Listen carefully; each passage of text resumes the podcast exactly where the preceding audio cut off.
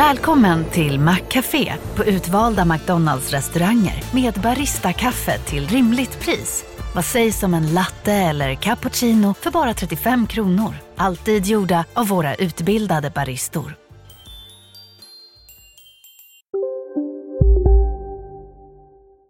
Analyspodden presenteras i samarbete med Epti, en company builder inom tech med hela 25 tillväxtbolag i portföljen.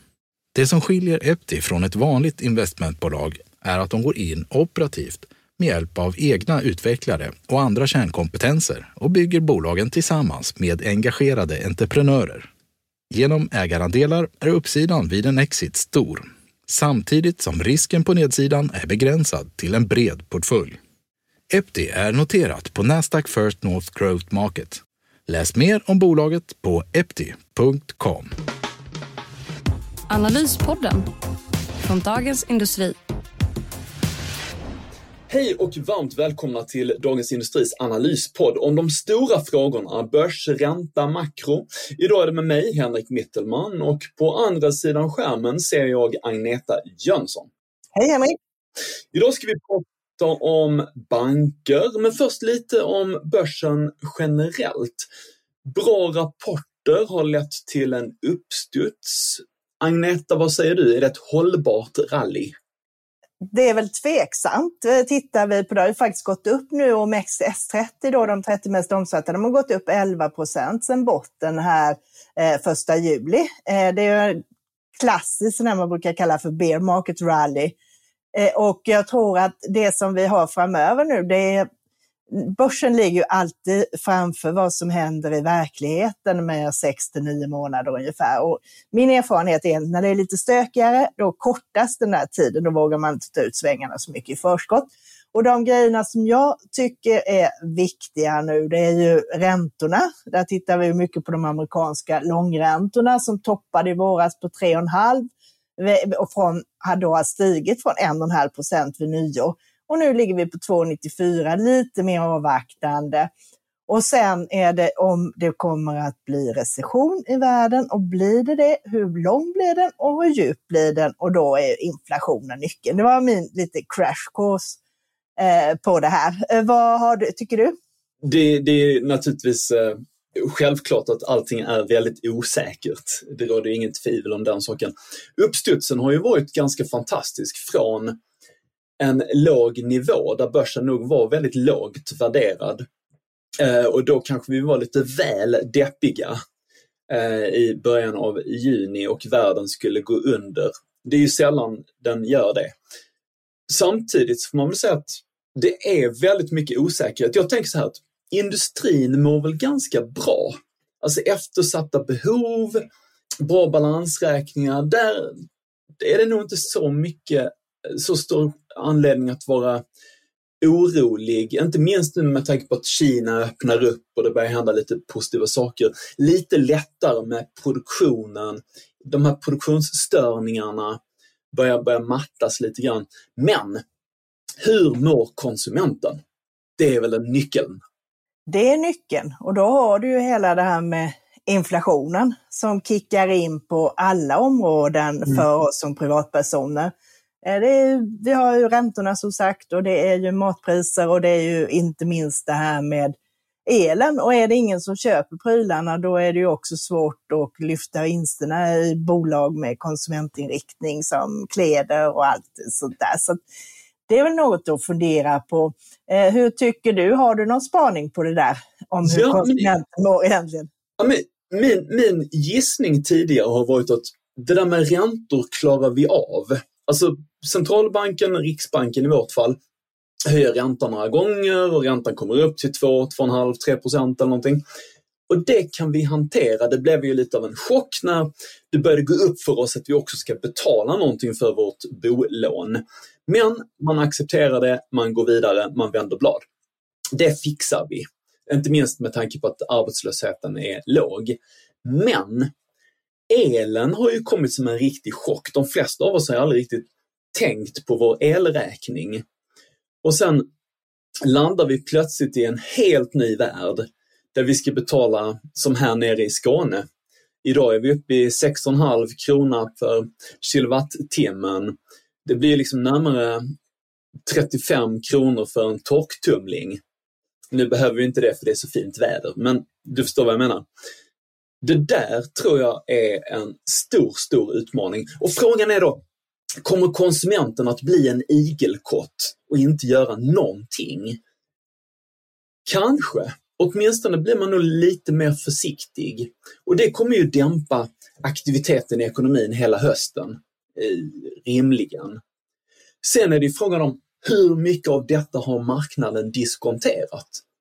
För man kan ju, jag har skrivit lite om Tulemannen eller Tulekvinnan, ryggraden i svensk ekonomi, de där människorna som har en fin Tulebox på sin bil eller cykelhållare.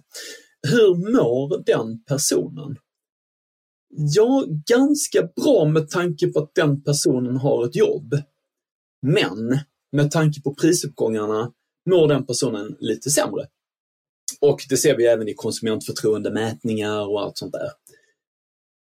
Frågan är, har marknaden diskonterat det illamående vi ser hos konsumenten? Kanske, med tanke på till exempel om vi tar Thule-aktien som har halverats. Eller Dometic eller andra sådana där bolag som håller på med sällanköpsvaror. Så att... Men tror du inte det är lite det där eh, att man stuvar om? Nu kom ju, Thule var ju ett sånt där bolag som gynnades under pandemin när vi satsade på semester i Sverige, friluftsliv eh, och även Dometic. Att där hade du lite för starkt innan, så det är det som slår in på aktien. Och sen kanske också lite det här att man prioriterar om. Jag menar, har du en takbox som fungerar hyggligt så kanske du inte köper en ny när det är lite kärvare tider. Och du kanske liksom det här klassiker, istället för att köpa oxfilé så kanske du köper fläskkotletter. Ja. Och istället för att köpa märkeskläder så köper du H&M. Precis, det har vi ju sett nu. Det har vi fått rapporter om den senaste veckan. Walmart i USA, eh, Lidl här har ju visat att det är rejäl uppgång i försäljningen. Man kanske istället för att gå på dyra Östermalmshallen i Stockholm så går man in på Lidl och köper sin falukorv istället. Och det är väl den typen av skiften. Du nämner H&M. Är H&M ett intressant exempel på det? Jag tycker det, för att det är sådant eh, där det är lite sämre tider där man kanske då eh, Ska du köpa något nytt så kanske du väljer att gå till dem istället för att köpa nya märkeskläder. Eh, så det, de kan vara lite kontracykliska på det där eftersom de ligger lite attraktivare i priser. Eh, och eh, så de tror jag inte behöver lida eh, så mycket på det här, om det inte då blir riktigt djupt och långvarigt. Men annars så tror jag mer att liksom om du ska koka ner det här till någon slags bolagsnivå så blir det mer att det blir en rotation. Precis som under pandemin så såg du att väldigt mycket av konsumtionen flyttade till e-handel. nu kanske det flyttar till andra sektorer att man byter runt lite så att som investerare gäller det just att hitta de där bolagen som faktiskt behåller eller kanske till och med kan öka eh, sin omsättning. Så mer en marknad av stockpicking, en bred uppgång skulle jag vilja säga. Och kanske H&M som ett litet tips från din sida? Ja, jag tycker att den ser ut att kunna ha förutsättningar att klara sig bra i det här. Om det nu inte blir liksom en massa jätteinflation på bomullspriser och fraktrater och sånt där, vilket de har ju kämpat med här nu ett tag. Sen måste man ju också komma ihåg att även ifall vi nu är fullt fokus på elpriset och vi har alla lärt oss hur man ska spara på den, så tror jag att vi får inte glömma bort att den generella inflationen kanske har toppat. Alltså tittar vi på råvarupriser och sånt där så är det ju faktiskt på väg ned. Så att konsumenten mår lite dåligt idag och vi fokuserar på elpriset och vi har ångest för det och vi är eh, rädda inför en kall vinter. Men, men den generella inflationstakten kanske har toppat. Ja, man kan ju hoppas på det. Just det där med el och energi är intressant. Det är väl det är ju det som har varit först och som har drivit och så kommer de andra grejerna lite efter på tåget här. Så att, eh, kan man få ordning på det så kan det ju se betydligt ljusare ut om några år. Och det är väl där börsen är lite förlåtande egentligen. För tror man att det här ändå är hyggligt tillfälligt så kan man se lite om hörnet här. Mm. Och då kommer man tillbaka till de här aktierna med företag som säljer sällanköpsvaror där man redan har halverat kursen. Kanske har vi tagit i lite väl mycket. Det kan man ju ha gjort för att det är ju ändå mycket av sällanköpsvaror som man köper för de gamla går sönder. Men går ditt kylskåp sönder så kommer du inte vara utan kylskåp utan Nej. det kommer ju köpa ett nytt men du kanske inte byter bara för att få den senaste modellen. Men jag kanske vill ha att, eh, lågenergikylskåp. Det kan man behöva. Lågenergi, precis. Eh, och alla typer av sådana här produkter som, och företag som jobbar med det här med energieffektiviseringar och sådana här grejer eh, tror jag också man ska titta på. Men sen är det ju lätt att det blir hajpat. Vi har ju sett Orrön nu som ett sådant exempel som har gått extremt mycket på kort tid. Eh, vi har sett OX2 som också har gått väldigt bra. Så tyvärr är ju marknaden ibland lite snabb att ta ut eh, grejer åt båda hållen. Nibe kom med en kanonrapport. Också det är också ett sådant bolag. Ja. Exempel på ett bolag som säkert ligger så rätt i tiden när vi alla ska köpa in nya, lite mer energikloka värmesystem. Visst är det så och eh, där är ju det där klassiska att de är högt värderade. Det har de i och för sig varit väldigt länge alltid. och nu är de ju, alltid och nu är de ju, kan man väl säga då, lite mindre högt värderade än de var för ett år sedan i alla fall. Men det är ju typiskt ett sådant bolag. Men det finns ju massa med andra eh, sektorer. Men har du något mer att tillägga om elpriset här? Vad, vad tror du händer där och är det någonting som man kan eh, placera utifrån det så att säga? Vi har ju alla gått från att ha varit eh, hobbyepidemiologer till säkerhetspolitiska analytiker och nu är vi elanalytiker. Alla befarar ju vad som ska ske nu under, under vintern. Det som är intressant tycker jag utifrån ett politiskt perspektiv är att det kommer nya utspel om olika former av subventioner. Och regeringen ska ju nu dela ut 30 miljarder kronor till hushållen utan att någon blir gladare. För ingen förstår hur det nya systemet ska utformas. Och det verkar som att ingen vet det heller.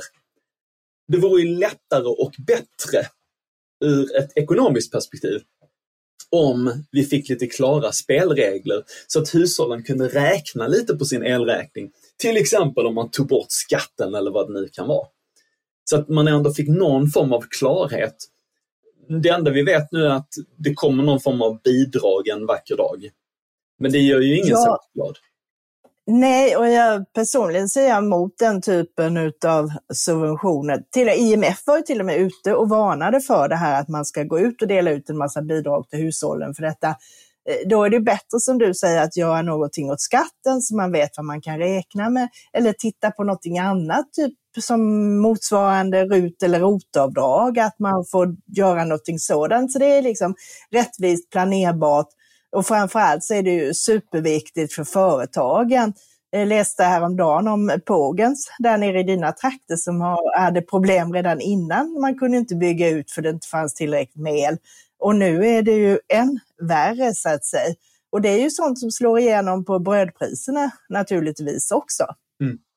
Man kan ju också bara fundera, alltså, nu är det då bra väder, ingen har värme på, ändå är priset uppe i 6,50 per kilowattimme. Vad händer i december? Alltså kan man befara att det blir 20 kronor? Vem vet? Ja, nej, det är så, jag, om jag inte har läst helt tokigt så är det ju där så har sådana toppar i Baltikum redan nu. Ja. Exakt. Och det är ju läskigt. Ja. Eh, och det är ju också läskigt, inte bara det där att elräkningen blir väldigt högt, utan finns det tillräckligt med el kommer vi att köra sådana här planerade stopp och sådant som man också bevarar. Det känns ju som vi åkte tillbaka då eh, nästan hundra år i tiden på det sättet. Ja. ja. Analyspodden presenteras idag av Epti, en company builder inom tech. Och med oss har vi även denna vecka Eptis vd och grundare Arli Mujkic. Välkommen Arli! I förra veckans avsnitt av Analyspodden så berättade du lite om er verksamhet. att ni är en company builder med fokus på tech som saminvesterar i tillväxtbolag som har stor potential med fokus på den tekniska produkten. Eh, kan du övergripande berätta om era portföljbolag och vilka marknader som bolagen adresserar? Marknaden går att se på två sätt, geografiska och branschspecifika. Vi agerar främst på den svenska, tyska och sedan europeiska Hej, Ulf Kristersson här. På många sätt är det en mörk tid vi lever i. Men nu tar vi ett stort steg för att göra Sverige till en tryggare och säkrare plats. Sverige är nu medlem i Nato. En för alla, alla för en. Vi är specialister på det vi gör, precis som du. Därför försäkrar vi på Swedea bara småföretag, som ditt. För oss är små företag alltid större än stora och vår företagsförsäkring anpassar sig helt efter firmans förutsättningar. Gå in på swedea.se företag och jämför själv. europeiska marknaden, i den ordningen. Men flera bolag har också globala ambitioner. När det kommer till branscher är det allt ifrån onlineapotek och parkeringslösningar till adtech och e-sport. Vi har dock valt att segmentera in dem i gaming, fintech, marketplace, SaaS och services. Och hur ser er exit-strategi ut i bolagen som ni äger? Vår exit-strategi är att utveckla bolagen och frambringa dess verkliga värderingspotential. När man bygger framgångsrika bolag med stark tillväxt och tydliga lönsamhetsmål dyker också möjligheterna upp.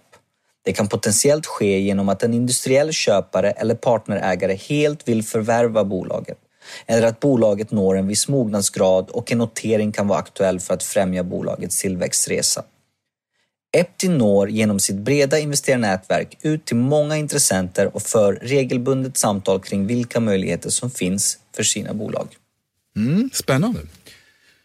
Och om du som lyssnar vill veta mer om Epti och dess verksamhet, besök Eptis hemsida på epti.com. Då säger vi tack till Arli Mujkic, VD och grundare för Epti, för att ni är med och sponsrar Analyspodden.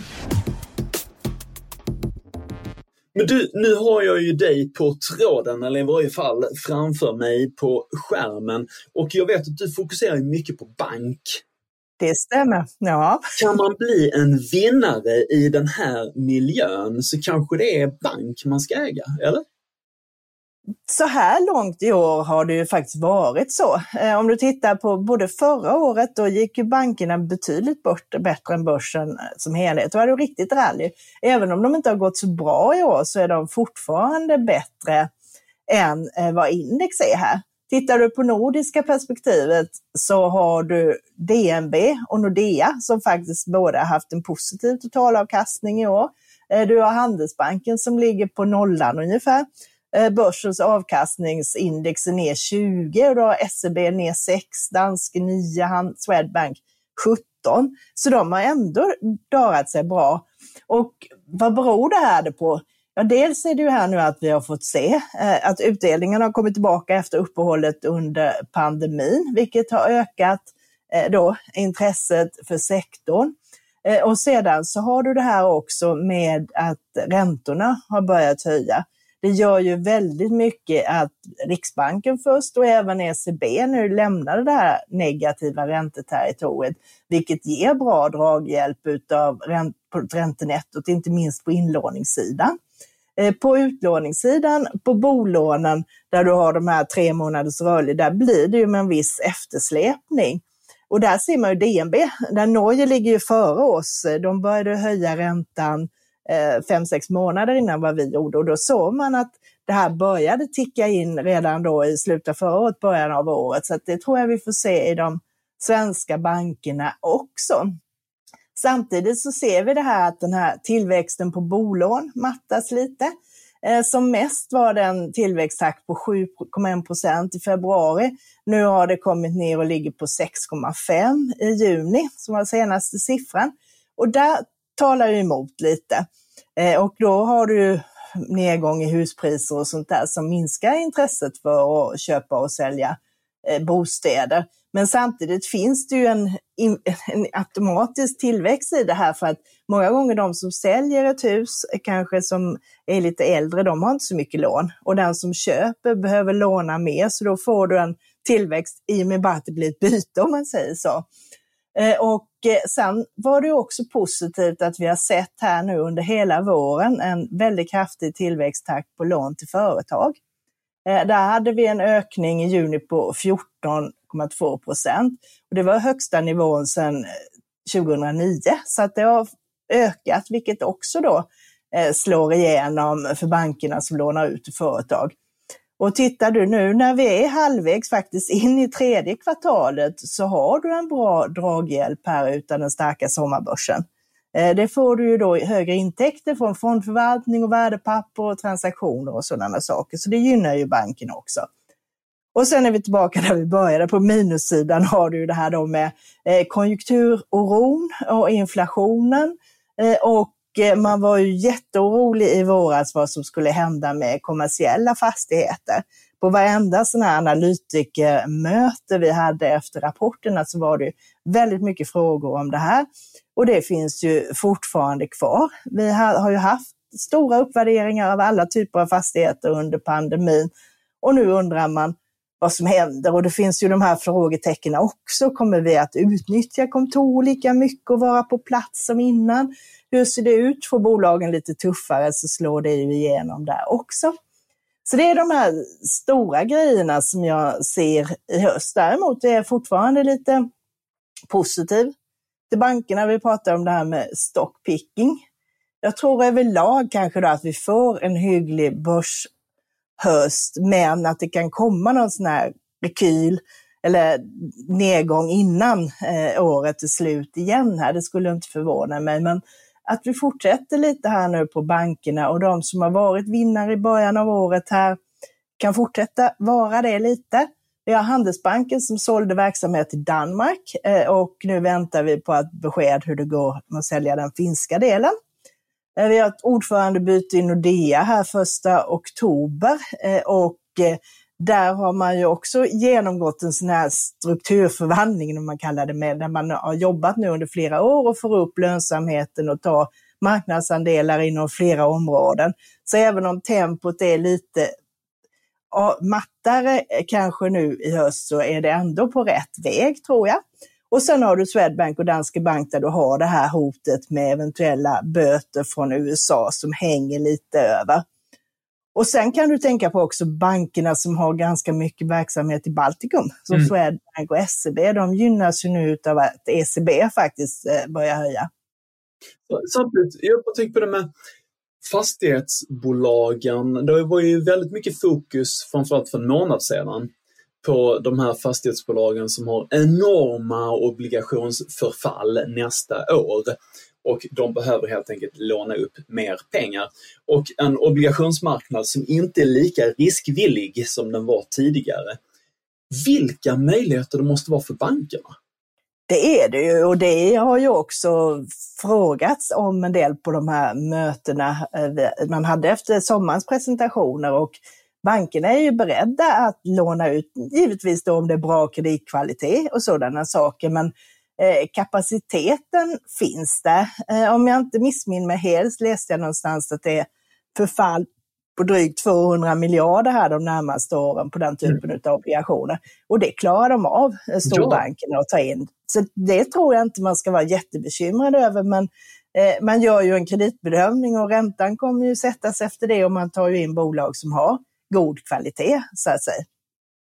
Så att en del sådana anpassningar kanske i fastighetsbolag som där det har gått lite väl snabbt, som vi har sett nu, att man kanske säljer en del fastigheter, man stuvar om i balansräkningen och sådana saker. Det får vi nog se, men jag är inte jättebekymrad över att det inte ska gå att finansiera de här nu. Nej. Och du Agneta, om man då får ett litet tips, vilken bank är det vi ska köpa då? Jag tror ju nu på kortsiktigt här som sagt fortsätter med DNB, Handelsbanken och Nordea, men sen får vi lite bättre och det här ljusare klimatet, då har du SEB som är lite mer snabbfotad, som är liksom, reagerar snabbare på de här sakerna och det har mycket företag i sin kundstock också, vilket då klirrar in på flera intäktsposter så att säga. Så att de fortsätter upp på de som vi har sett här och sen eh, då SEB lite som dark horse här man är lite mer optimistisk. Vi tackar för de tipsen. Har du någon syn egentligen på vad börsen kommer att vara under hösten här? Ja, jag är ju alltid liksom strukturellt optimistisk, men det är klart att man, man, kan ju inte låta bli att oroa sig just för konsumenten, hur konsumenten mår. Eh, å ena sidan och å andra sidan så är det ju det att börsen har väl redan diskonterat att hushållen mår sämre med tanke på den här halveringen av en hel del börskurser i företag som säljer sällanköpsvaror. Så att eh, jag har nog lite mer neutral syn måste jag mm. säga. Mm. men det är intressant. Det innebär att man kan göra lite stockpicking bland den här typen av bolag som har gått ner jättemycket då helt enkelt. Agneta, nästa vecka, har du någonting på din agenda? Ja, faktiskt så är det lite eftersläntare på rapportfronten. Eh, på tisdag är det investmentbolaget Latour. Eh, och eh, på onsdag så har Securitas kapitalmarknadsdag där de ska prata om det här jätteförvärvet med Stanley Security som är nästan lika stort som deras eget börsvärde. Och det blir intressant. Då ska man övertyga marknaden om det, för man kommer också göra en emission här i september på nästan 10 miljarder. Eh, så det kommer jag att lyssna på. Sen har du huvudstaden fastighetsbolag då som kommer med rapport eh, och sen har du Mekonomen. Och dagen efter sen så har du då huvudägaren i huvudstaden och också storägare i Handelsbanken då, Lundbergs, som kommer med sin rapport. Och sen har du kycklingbolaget Scandi Standard eh, som har kämpat en hel del i motvind. Får vi se hur de klarar sig i det här klimatet. Och på fredag har vi SAS eh, som det hela tiden ligger i topp i nyhetsflödet nu. Så det är väl de grejerna som jag kommer att titta på. Eh, vad har du på din agenda på makrosidan då? Ganska spännande vecka faktiskt. Eh, det kommer en hel del sådana här inköpschefsindex i stora delar av världen redan på tisdagen, som ju förväntas falla, vilket ju inte är så konstigt med tanke på att ekonomin bromsar in och osäkerheten är stor.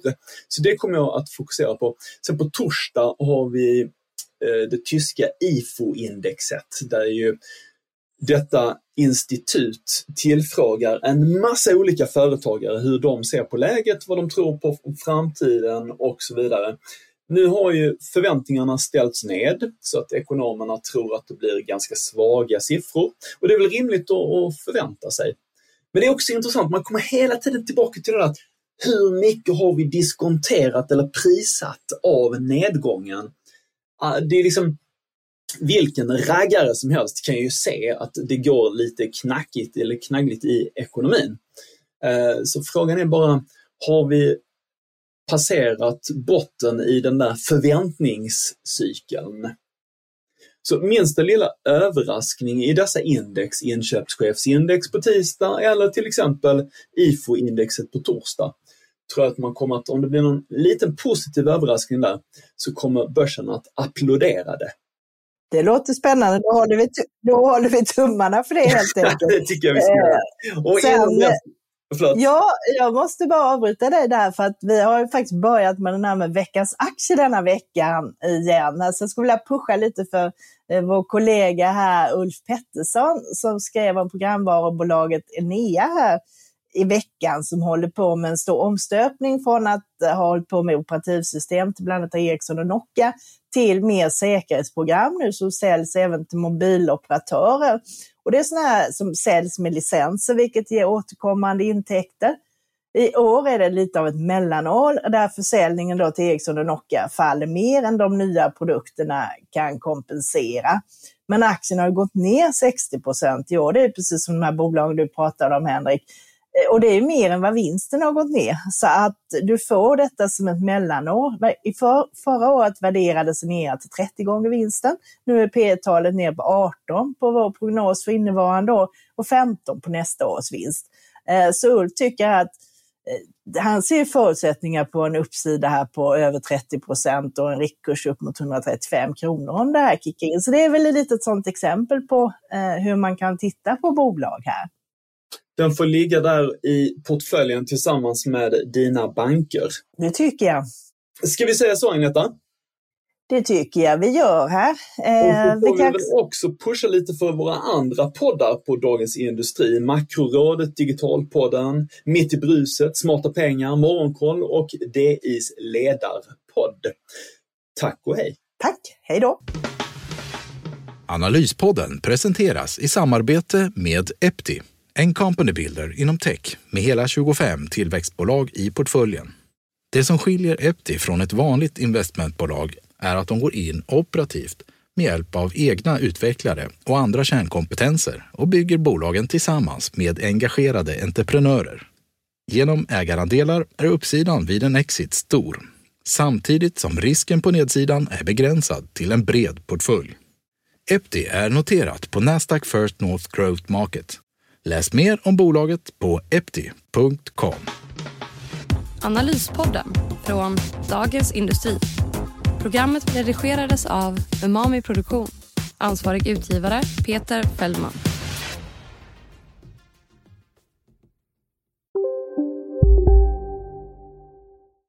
En nyhet.